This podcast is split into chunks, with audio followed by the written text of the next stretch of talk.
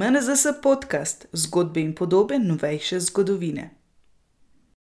Dobrodošli v podkastu Muzeja novejše zgodovine Slovenije, v katerem predstavljamo zgodbe iz arhivov in razstav MNZS-ja ter osvetljujemo različne vidike sodobnih muzejskih praks. Moj ime je Korin, vi pa poslušate prvo pilotno epizodo mesečnega podcasta, kjer se z direktorico muzeja Kajo Širok, ki je sicer tudi predsednica IKOM Slovenije, pogovarjamo o izzivih in spremembah, s katerimi se soočajo hiše kulture v času koronavirusa. Ko je bila 16. marca razglašena pandemija, je svoja vrata za obiskovalce zaprl tudi Muzej novejše zgodovine Slovenije. Torej, v bistvu zgodba se začne kar že en teden predtem. Uh, muzej smo za obiskovalce zaprli v petek, 13. Uh, marca, ne, pojemljiv datum. Tisti dan zjutraj smo dobili sporočilo strani ustanovitelja, da zaradi širjenja pandemije koronavirusa in zaradi varovanja zdravja tako obiskovalcev kot zaposlenih, uh, svetujejo, da se muzej čim prej zapre. Tako da smo tisto jutro že takoj muzej zaprli, uh, že predtem smo pa v istem tednu že začeli sprejemati različne, um, mislim, da zelo odgovorne um, odločitve. Najprej, seveda, to, da smo muzej omejili, da lahko grejo skupine, ki so bile številčno omejene, uh, noter na ogled muzeja. Muzeji so se v tistem obdobju zaprli po celi Sloveniji, ne samo po Sloveniji, zaprli so se tudi po celi Evropi. Ne. Zelo simbolično je to, da ravno en vikend predtem so po celi Italiji zaprli muzeje. In spomnim se, da smo se vsi spraševali, kam to vodi, če bomo hiše kulture začeli zapirati, ker se nismo zavedali, da bomo v manj kot tednu dni zaprli tudi naše. Muzej novejše zgodovine Slovenije sicer predstavlja dogodke in življenja slovencev v 20. stoletju, začenši z letom 1914 vse do no, včeraj. Osvetljuje bolj znane, kakor tudi manj znane dogodke iz novejše zgodovine, ter jih dopolnjuje z osebnimi zgodbami. V depojih lahko najdemo številno gradivo, brez katerega je nemogoče raziskovanje in spoznavanje slovenske preteklosti zadnjega stoletja. Muzejske zbirke so bile prvotno vezane predvsem na vojno in vojaško gradivo, sčasoma pa so v depoje in pozneje tudi na razstave vse bolj prihajali predmeti civilnega izvora iz vseh obdobij 20. stoletja. Hranijo denimo jedilni pribor in pohištvo, večinoma iz obdobja socialistične Jugoslavije. Mnogi se bodo morda spominjali naprimer Marlesove kuhinje koktejl ali pa Reksovega ležalnika, ki ga še vedno uporablja mnogo vrtcev za popoldanski počitek ali pa enega izmed prvih računalnikov, ZX Spectrum, ki se ga je uporabljalo večinoma za igranje računalniških iger, klasike kot so Manic Miner, Attic Attack in Hobbit. Recimo. Seveda je bila poleg igric na voljo tudi druga programska oprema, urejevalniki besedil in baze podatkov. Izredno obsežne so fotografske zbirke, ki zajemajo okrog 2 milijona originalnih posnetkov, s čimer je Muzej novejše zgodovine Slovenije ustanova z največ fotografskega gradiva za 20. stoletje v Sloveniji. Pa še to. Med nastajajočimi zbirkami je potrebno omeniti zbirko ustnih virov, ki zajema audio in video prečevanja iz 20. stoletja. Ena izmed specifičnosti Muzeja novejše zgodovine Slovenije je tudi ta, res, da ne hrani samo predmetov in predvsem um, izjemne fotografske zbirke, ampak da smo tudi muzej, ki zbira osebne zgodbe kot del naše nacionalne dediščine. Tudi v tem času uh, se nismo ustavili in dejansko to še naprej delamo. Uh, ravno v okviru novega projekta, ki smo ga zagnali lani septembra skupaj s partnerskimi organizacijami iz Norveške, Švedske, Litve, Poljske, Hrvaške in Slovenije. Uh, imamo projekt Identitete na prepihu, kjer zbiramo zgodbe migracij, begunstva, uh, zgodbe, ki so so ustvarjale in so ustvarjajo našo družbo, in iz katere bomo na nacionalnem nivoju naslednje leto uh, naredili razstavo in v roku dveh let veliko potujočo razstavo, za katero je odgovoren Muzej novejše zgodovine Slovenije in bo potovala po Evropi. Trenutno imamo potrjenih že deset destinacij in muzejev, v katerih bo ta razstava bila prikazana. No, del tega projekta in seveda s tem tudi same uh, misije našega muzeja so osebne zgodbe, so pripovedi, so pričevanja. mi se bomo, oziroma se v tem trenutku ukvarjamo z zgodbami uh, migrantov, uh, predvsem ekonomskih migrantov, ki so v času 70. in 80. let in tudi prej migrirali z območja uh, nekoč skupne države, torej bivšega območja Jugoslavije v Slovenijo, in na kakšen način so razvili svojo identiteto, slash identitete. Ampak to ni vse. V tem trenutku se kot muzej tudi ukvarjamo z zgodbami, pripovedmi, individualnimi, emocionalnimi hrambami spomina na izolacijo in na čas koronavirusa. In z ena izmed akcij, ki jo trenutno imamo, gradimo skupno kolektivno zavest. Slovencev v času uh, koronavirusa, in tukaj izbiramo od fotografij do zgodb, do predmetov, do tudi uh, malih dnevniških zapisov ljudi, ki delijo z nami kot neke kapsule spomina, uh, svoje želje, strahove in tudi pripovedi o tem, kako preživljajo svoj čas trenutno v izolaciji. In smo se začeli tudi spraševati, na kakšen način bi mi lahko pomagali, na kakšen način bi lahko muzeji še vedno imeli svoj glas in bili aktivni v družbi.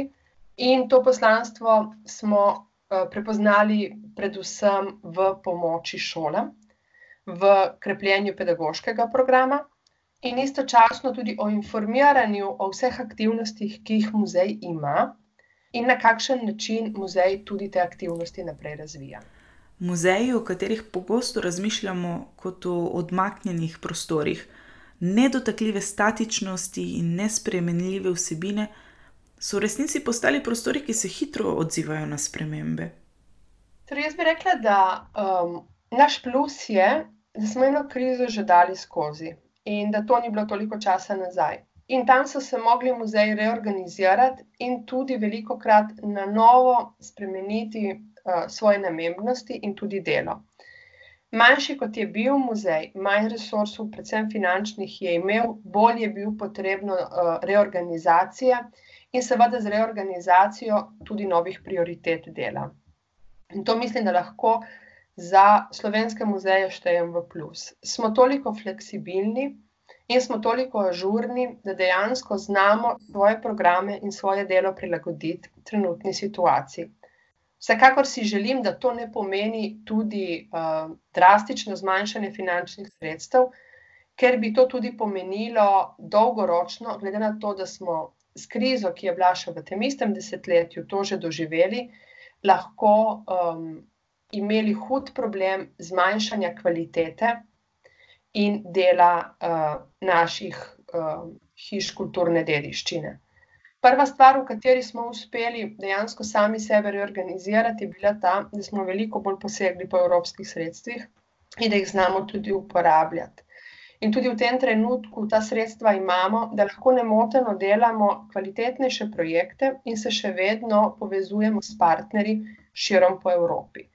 Druga stvar, ki dejansko kaže na to, kako so slovenski muzeji iznajdljivi, je to, da smo vsi postali prisotni na spletnih omrežjih in da za tiste, ki želijo informacij in novic, so te na dosegu roke In lahko rečem, da ni muzeja, ki se v tem trenutku ne trudi, da bi bil tako v lokalnem okolju, kot v nacionalni perspektivi tukaj trenutno prisoten.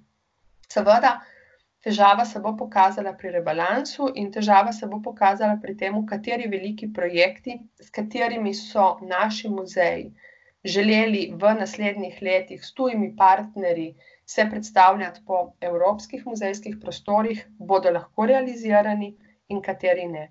Torej, uh, veliko je vprašanj, uh, ampak ostajam pozitivna, da glede na znanja, ki jih imamo, in glede na fleksibilnost, ki nam je uh, postala nek modus vivendi, bomo tudi to zmogli preseči. Muzej se s svojimi dejavnostmi, razstav in drugih muzejskih programov za otroke in odrasle konstituira kot most med zgodovinsko znanostjo in najširšo javnostjo povezuje usode ljudi 20. stoletja in svojim obiskovalcem nudi odgovore na vprašanja o lastni identiteti v sodobnem času. Prav tako je muzej srečališče najrazličnejših skupin in prostor dialoga ter razmisleka. Na vprašanja ne le odgovarja, ampak jih tudi zastavlja. Naslednji obiskovalci skupaj z muzejem iščejo odgovore. In v tem partnerstvu muzej deluje kot dinamična, inovativna in gostoljubna ustanova. V času izolacije in posledičnih omejitev pa so se stvari spremenile. Vzniknili so novi načini komuniciranja in tvorijo se nove oblike skupnosti in družabnosti. Veliko našega vsakdana se je pretočilo na splet. Toda poraja se vprašanje, kakšni bodo muzeji prihodnosti? Želim si, da bi muzeji čez kakšno leto izgledali točno takšni, kot so bili muzeji teden pred tem, ko smo jih zaprli. Želim si, da bi vsi ti programi, na katerih smo trdo delali, in na vseh obiskovalcih in šolah, ki smo jih v naše hiše privabili, da bojo tudi ostali in da bojo še vedno prihajali. Muzej si še vedno predstavljam v vseh funkcijah, ki jih po definiciji muzej ima. In pri tem seveda ne govorim samo o tem, da hrani, valorizira in inventarizira dediščino, ampak da ostajajo muzeji še vedno tudi naprej odprti, demokratični, svobodni prostori, kjer se dejansko lahko govori o multiperspektivnih uh, pogledih na preteklost in kjer se ustvarjajo družbene arene, ki so namenjene tako prebivalstvu na splošno, s posebnim poudarkom na narljivih skupinah, kot tudi dejansko specializiranim uh, skupinam obiskovalcem. Tukaj menim tudi na programe, ki smo jih do zdaj imeli, ne samo za šolske skupine, andragoške skupine, ampak tudi posebne programe, ki smo jih delali tudi za tuje obiskovalce. Namreč uh, vse razstave Muzeja novejše zgodovine Slovenije so vedno bile dvojezične in so bile tudi tujcem predstavljene iz perspektive, da so lahko našo zgodovino in predvsem stalno razstavo lahko razumeli v vsej svoji kompleksnosti. Torej, če strnem še enkrat, ja, želim si, da bi naše hiše lahko napredovale in bile to, kar so do zdaj tudi bile.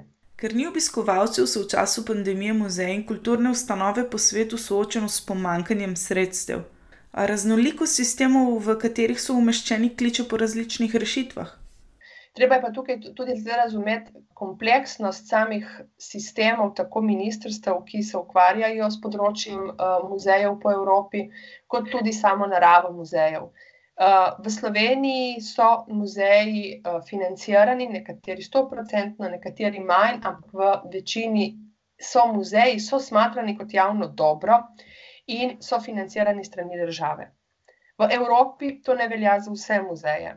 In seveda smo pred tem, da bo marsikateri muzej, če bo stal zaprt kar nekaj časa, eh, dejansko bil pred eh, pragom svojega propada. Sem brala informacijo, da Med ocenjuje, da je škoda, ki se ustvarja, eh, glede na njihove obiske in glede na njihove dohodke, več milijonska, ne samo deset milijonska, ena številka je šla tudi do sto milijonov. Kot zanimivost, The Metropolitan Museum of Art v New Yorku, ki ga pogovorno imenujemo MET, je največji umetniški muzej v Združenih državah Amerike in hrani več kot 2 milijona eksponatov. Razdeljene na tri lokacije, ki so leta 2019 skupno zabeležile skoraj 6 milijonov in pol obiskovalcev. Ja, seveda, treba razumeti, da MET je konglomerat, da je po svoje uh, industrija kulturne dediščine ki se seveda ne napajajo na državnem proračunu, ampak veliko več tudi na tržnih sredstvih in na donatorskih in sponzorskih sredstvih. Naši muzeji, kot rečeno, so tukaj zelo specifični in smo lahko srečni, da jih dejansko uh, zakoni, uh, ki veljajo na tem področju, ščitijo in tudi država goji in ima kulturo do kulture. V Evropi, kot rečeno, to ni tako. Je pa tudi res, da so različne države že začele sprejemati različne ukrepe, normative ali blažilne zakone, ki naj bi kulturi tudi po teh težkih časih pomagale.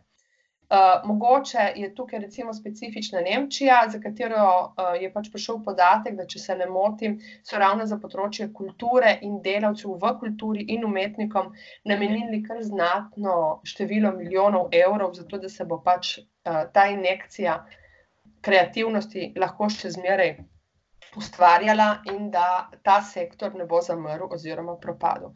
Kar nekaj drugih držav jim sledi. Uh, Uh, kot rečeno, gre se tukaj za specifičnosti posameznih držav in tudi um, posameznih muzejev, glede na to, kateri bojo obstali, kateri bodo še imeli isto število zaposlenih in kateri bodo pred robom propada.